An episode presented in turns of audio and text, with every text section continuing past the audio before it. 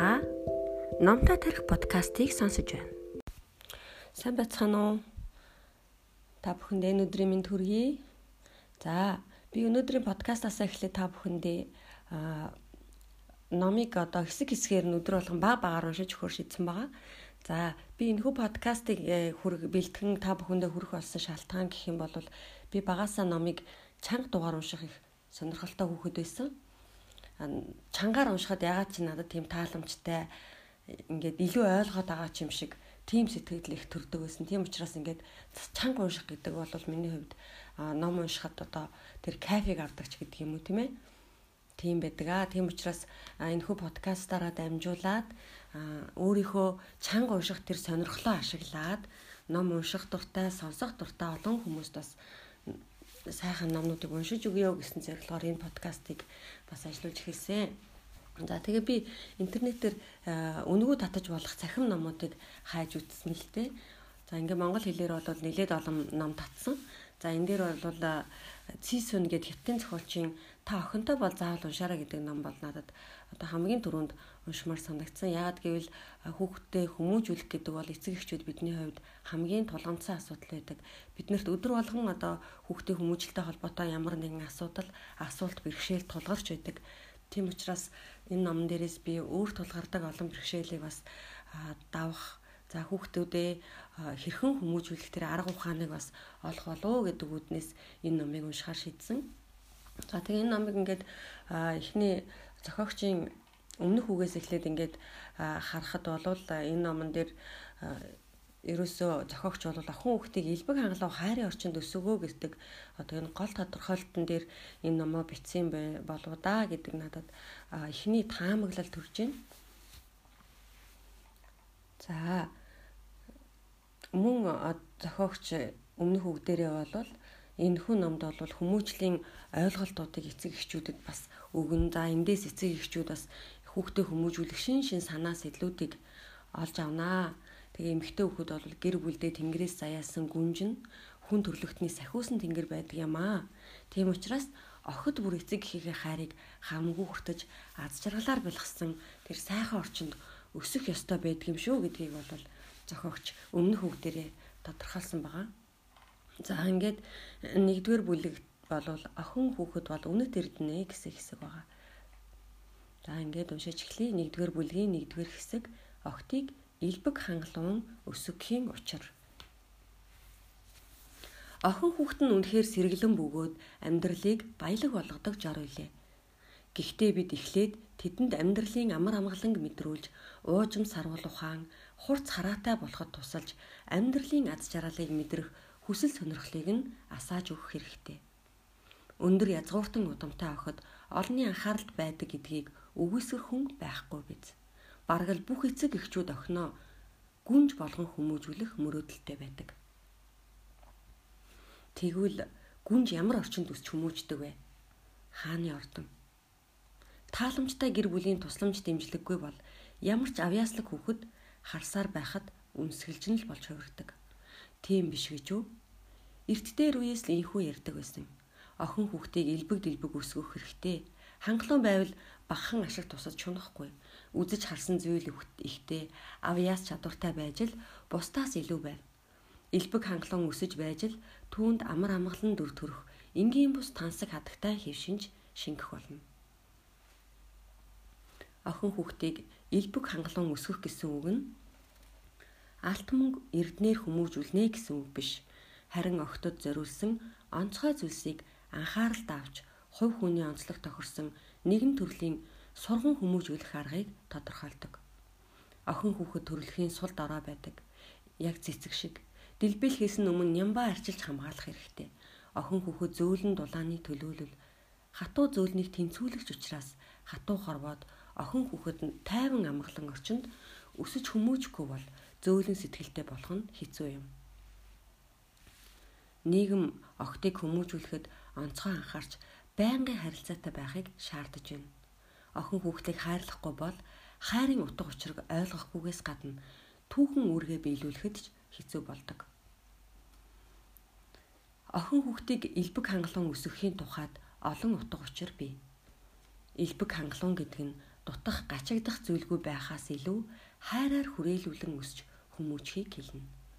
Охин хүүхдийг хайр ивэлэр хангалуун өсгөх нь тэднийг эрхлүүлэн эрх ямбанд хэвтэрсэн ямар ч чадваргүй хатагтай болгон өсгөн гэсэн үг биш юм. Баян айлын охин гэдэг нь сурган хүмүүжлийн ямар ч утга агуулга байхгүй зөвхөн мөнгөтэй хүний хувилбар юм. Эмэгтэй хүүхдийн хувьд эрүүл сэтгэл санаа тайван зөөлөн дулаан ухаалаг зан чанартай байхаас илүү зүйл гэж үгүй. Охиноо өсч томорсны дараа эцэг эхийн бахархдаг зүйл нь түүний идэвхтэй эрүүл өөдрөг зөөлөн дулаан өөрийн гисэн үзэл бодол ухамсартай байх явдал юм. Энэ бүхэнд эцэг эхийн анхаарал хайр халамжаас гадна сэтгэл тайван орчинд өсөх нь хамгийн чухал байдаг. Үүнтэй холбоотой нэгэн сургамжит өгүүлэг. Сяоин гэх охин өсч томрон насанд хүрээд маргааш гэхэд хурмын ордонд алхан орж ирээдүй хантайгаа гэрлэх гэж байна. Урд оройн тэр эцэг эхийнхээ дэргэд нүүр дүрэн аз жаргалтай байлаа. Урдн жаргалтай, одоод жаргалтай, ирээдүйд ч аз жаргалтай байна гэдэгт тэр итгэлтэй байдаг. Яагад гэвэл тэр зөөлөн дулаан, ив найртай гэр бүл төрсөн. Хоёр биендээ хайртай эцэг ихэн түүнд хангалттай хайр инхрийлэл мөн таатай орчин бий болгож өгсөн. Энэ бол охтын хамгийн хэрэгцээтэй тайтгарал мөн ад жаргал, аюулгүй байдлын мэдрэмж юм.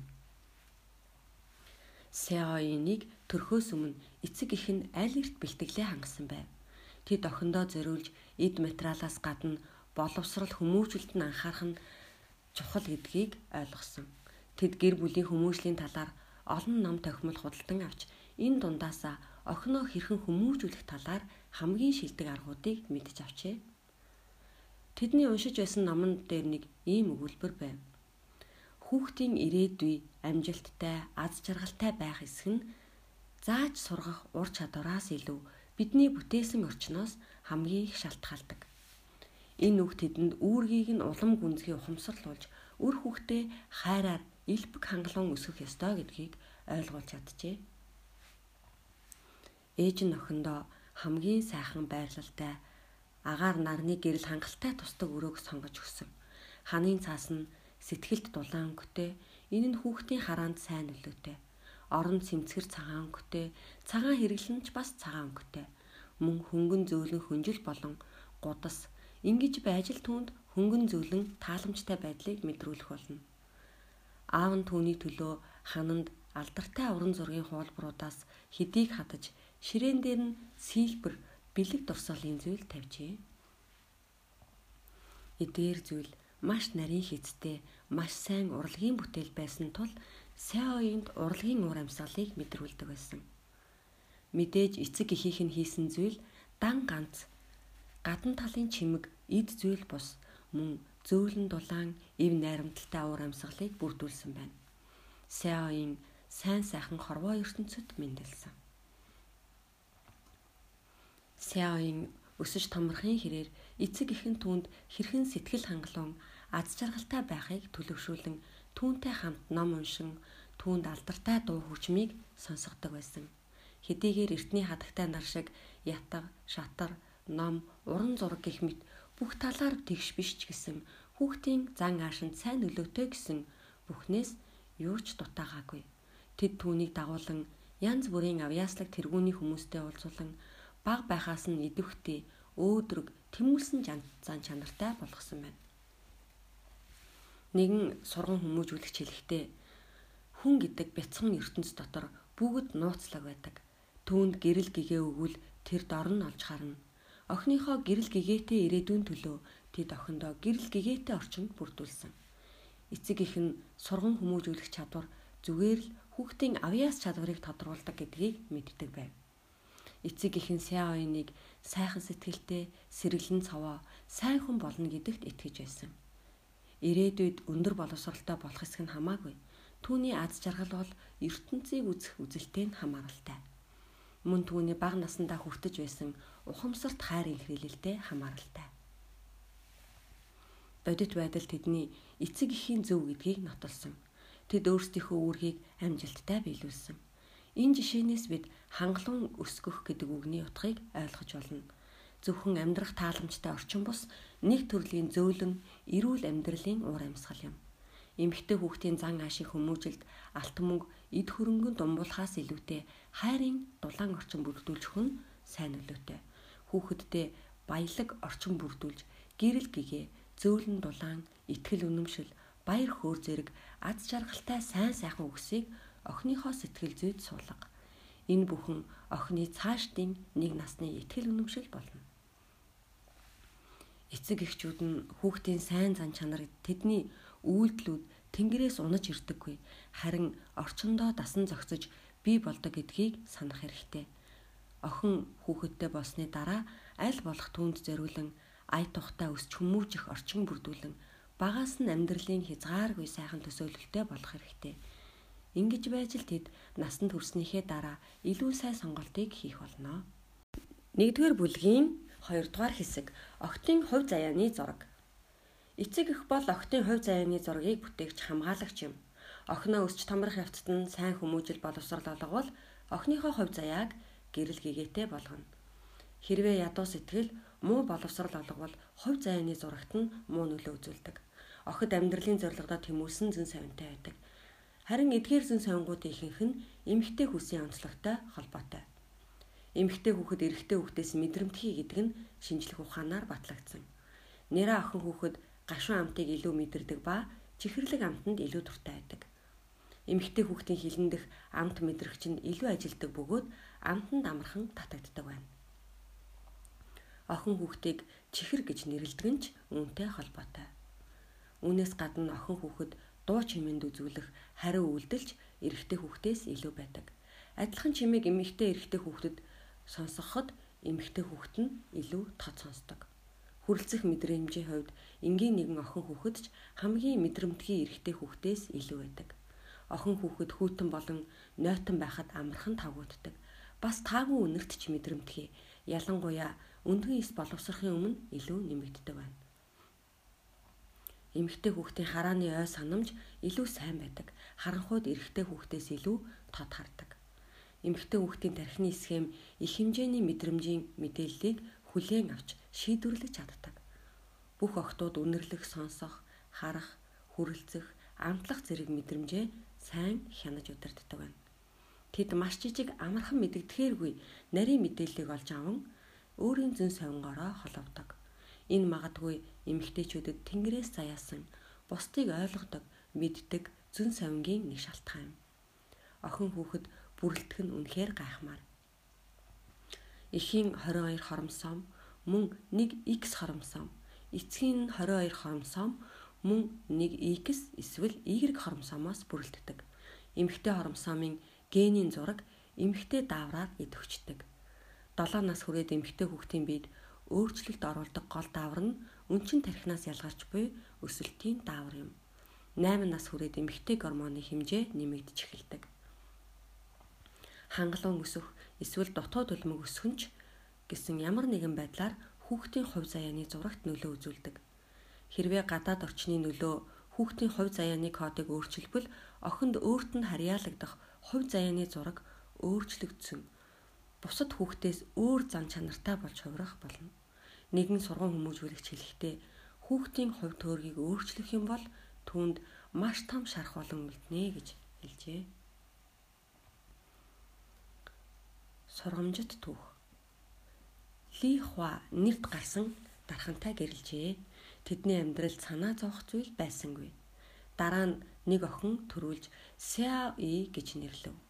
Охин нь ухаалаг сэргэлэн тул Ли Хуа ихэд бахархдаг байж хүүхдээ баг байхад түүний нөхөр арх уснаас болж ажил дээрээ алдаа гаргав. Хэдийгээр хоолтойгоо үлдсэн ч нэр төрд нь муугар нөлөөлжээ. Түүнээс хойш тэдний амьдрал хэцүү байдалд оров. Ли Хуа бүх чадлаараа охиноо өсгөн түүнд хамгийн сайн боловсрал хүмүүжил олохыг хичээн охиноо төгөлдөр хууруулан бүжгийн хичээлд явуулж байв. Сяои бүжиглэх маш дуртай гэртээ эргэж ирэх бүртээ баяр хөөртэйгөр Лихог тойрон бүжиглэнэ. Энэ үед эцэг нь дургуйцсан охин хүүхэд элдв юм сурч мөнгө дэмий үрж байна. Ямар ч үр дүнгүй гэдэг байв. Тэгсэн ч гэсэн ээж нь эсэргүүцдэг байсан тул Сяои үргэлжлүүлэн сурсаар байв. Гэвч дарахны дургуутсг нь улам нэмэгцээр л байв. Мөн түүний гарын ур муудаж нэр хүндгүй болж байлаа. Тэр архинд гүн орж гадна ертөнцөөс ирсэн дарамт уур уцаараа өөрийн ихнэр Ли Хуа охин Сяои хоёрт гаргадаг болов. Эцэст нь охиноо сургуулаас нь гарган 10хан настай түүнийг ажил хийлгэхээр явуулжээ. Ээжийнхэн сэтгэл өвдөн хүнд хүчээр ажлыг халшрахгүй хийн охиноо дахин бүжгийн хичээлд нь явуулахыг зорж байв. Сяои охин ээжигээ зовж байгааг харахад улам хэцүү санагдан өөрөө хамаатнуудаа туслан ажил хийж амьдрах мөнгөө олж эхлэв. Тэр хамаатан садандаа дарлуулж доромжлуулан бас дээрэс нь эцгийнхээ байгаа байдал дургуйцсан өөрөө эрэгтэй хүүхэд болж эртхэн энэ гэр бүлийн ачаа дамтнаас үүрлцмээр санагддаг болов. Дараа нь Сяои зодон хийх дуртай болов. Өөрийнхөө нэр төрийн төлөө тэр нудрах сонгов. Эцэг нь дахин нэг удаа муухай аашлах үед удаан өөрийгөө барьсан охин ширээ цохон аавыгаа хараад эхлэв. Түүний энэ үйлдэл эцэг эхийнхнүүдийг орой дээр нь гаргав. Бүжиглэх дуртай байсан бяцхан охин эцэст нь зодон хийдэг болсон гэдгийг төсөөлөхөд ч бэрх. Сяои охины хувь заяаны зураг аль хэдийн замаасаа гарчихсан. Түүний эмгтэй хүнд байх ёстой зөөлөн халамжтай зан чанар үгүй болж бүдүүлэг хүч төрөмгийлсэн амьдралын хэм маягийг сонгосон байна. Түүний эцэг нь энэ бүхний хариуцлагыг хүлээх ёстой. Түүний эцэг охин хүүхдийн сайхан сэтгэлийг хүлээн зөвшөөрөөгүй. Тэр охиныхоо дуртай бүжгийг эсэргүүцэн дургуутсаж хүүхдтэй гоо сайхны талаар буруу ойлголт төрүүлсэн. Эр хүний хувьд Сяои охины аав гэр бүлийн өмнө хүлээсэн үүрэг хариуцлага бүрэн биелүүлээгүй. Энэ бүгд Сяоид хүүсээр ялгагдсан энэ нийгэмд буруу ойлголт төрүүлсэн. Түүний ухамсарт эмгтэй хүн хүчрхэг байх ёстой. Тэгж байж л дарлал доромжлолоос өөрийгөө хамгаална гэсэн бодол суусан байлаа. Эмэгтэй хүүхдийн ген бүтээгдсэн л бол эцэг эхийн хүмүүжил охины хувь төөргийг бий болгодог.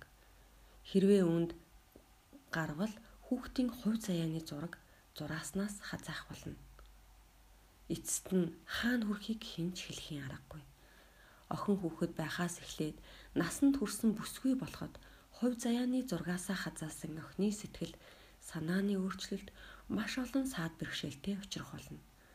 Энэ бүх үйл явцыг Деважингаас тамд хүрэх гэж нэрлэдэг.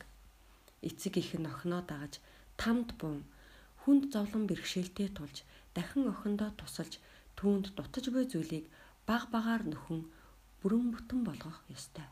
Тэгж байж л охин хүүхэд эцэст нь домогт гардаг хатан хаан шиг тэр алдсан бүх зүйлээ эргүүлэн авч амьдралыг гэрэлтүүлэх ёстой. Нэгдүгээр бүлгийн 3 дугаар хэсэг. Охиноо хэрхэн гүнж болгох вэ? Бүхэл эцэг эхчүүд өөрийнхөө охиныг чадварлаг гүнж болгохыг хүсдэг. Гэвч охин бүр хааны ордон төрдөггүй.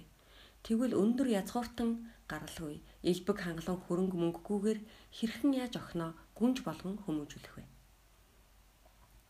Гүнж гэдэг нь зүгээр л нэршил төдий Гэсэн ч ямар нэгэн онцлогтой. Энэ онцлог нь зан чанар, эрхэм дээд, хээнцэр ганган, ухаалаг байдлаараа бусдаас онцгой байхыг хэлнэ. Энэ бүх төр төрхийг охиндоо бий болгоход эцэг их гол үүрэг гүйцэтгэв. Америкийн нэгэн нэрт сэтгэл судлаач Смит амжилтанд хүрсэн олон орны 301 эмэгтэйн дунд судалгаа хийжээ.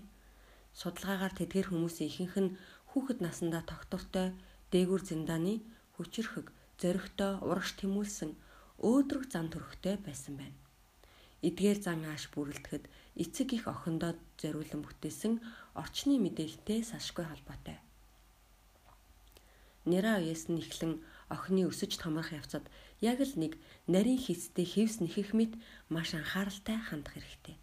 Охин хүүхэд төрсэн цагаасаа л хүмүүс хоорондын харилцааг түшиж энэ хорвоог ойлгож дүрсэлдэг эмэгтэй дааврын нөлөө нь охин хүүхдийг эрэгтэй хүүхдийн довтолсон эрсдэлт дуртай удирдах амархан хуурдаг завшаан хайдаг турших дуртай зэрэг зангаас өөр зэн совинтой тогтвортой, амгалан, нарийн нямбай, уян зөвлөн зантай болгодог байна. Эдгээр ногтыг найрсаг, инэрэнгүй, гэр бүлээ амжилт боломжоос илүү гэж үзэхэд хүрэгдэг. Эмэгтэй хүн харилцаа холбоон дундаас өөрийгөө тодорхойлох чадвар нь илүү байдаг. Эмэгтэй хүүхэд зөвхөн өөрийгөө гэсэн мэдрэмжтэй болж суралцдаггүй. Харин бусад хүний харилцаа холбоог мэдэрч төвөгтэй харилцаан дундаас өөрийгөө хөгжүүлж байдаг. Эмэгтэй хүүхэд өөрийнхөө харилцааны хүрээг бий болгох явцад эцэг эх нь түүний хамтрагч болж эмэгтэй ааш цан төлөвшөхт нь тусалдаг. Ийм нөлөө хүүхдийг баг байхаас бүр төрөөгүй байхаас л нөлөөлж эхэлсэн байдаг. Сэтгэл зүйчэд хүний сэтгэл зүйн хөгжил эхийн хөвлөгөөс гарч бие даасан тусдаа бит болон хөгжих явцад ч харилцан нөлөөлөл үргэлжилж байдгаа гэж дүгнсэн байдаг. Судалгаанаас үзэхэд жирэмсэн их 6 сартаагаас эхлэн хүүхэдтэй намун хөгжим сонсоход хүүхдийн зүрхний цохилт тайван цохилж харин машины сигнал сонсоход нь давтамж нь өндөрсдөг ба эхогоор ихийн хөвлийг харахад хүүхдийн нүд хөдөлж байдаг байна. Хүүхэд ихийнхээ бие болон дуу хоолойноос маш их хамааралтай мэдрэмтгий байдаг. Хүүхдийн дуу чимээний системд энэ нь шууд нөлөөлж байдаг байна. Иймээс их хүн хүүхдэд тээж байхдаа хүүхэдтэйгээ маш сайн харилцаатай байх ёстой. Эцэг эхийн хайраар дүүрэн дуу хоолой хүүхдийг тайвшруулдаг ба ургийн хөгжилд сайн нөлөөтэй. Ялангуяа охин хүүхэд эцэг эхийнхээ дуу хоолойн дундаас өөрийнхөө харилцааны үндэс суурийг олж авдаг байна. Бид эхийн хөвлөд буй хүүхэдтэй яруу тансаг өгүүлэл, яруу найраг уншиж өгч болно.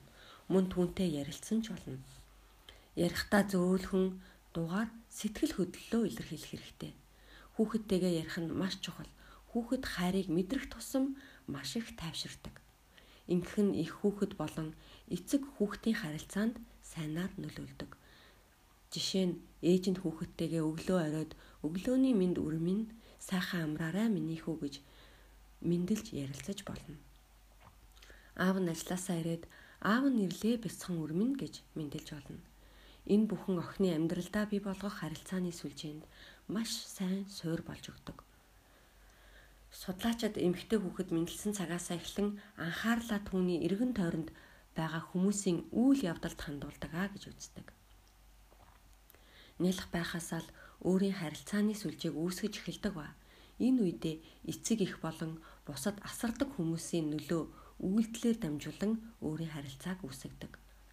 Гэвч сэтгэл зүйн онолд эмэгтэйчүүдийг эрчүүдийн биеэ даасан байдалд хүрэхгүй гэж үздэг. Тэд бие даасан хөгжлийн тал дээр тийм ч сайн биш.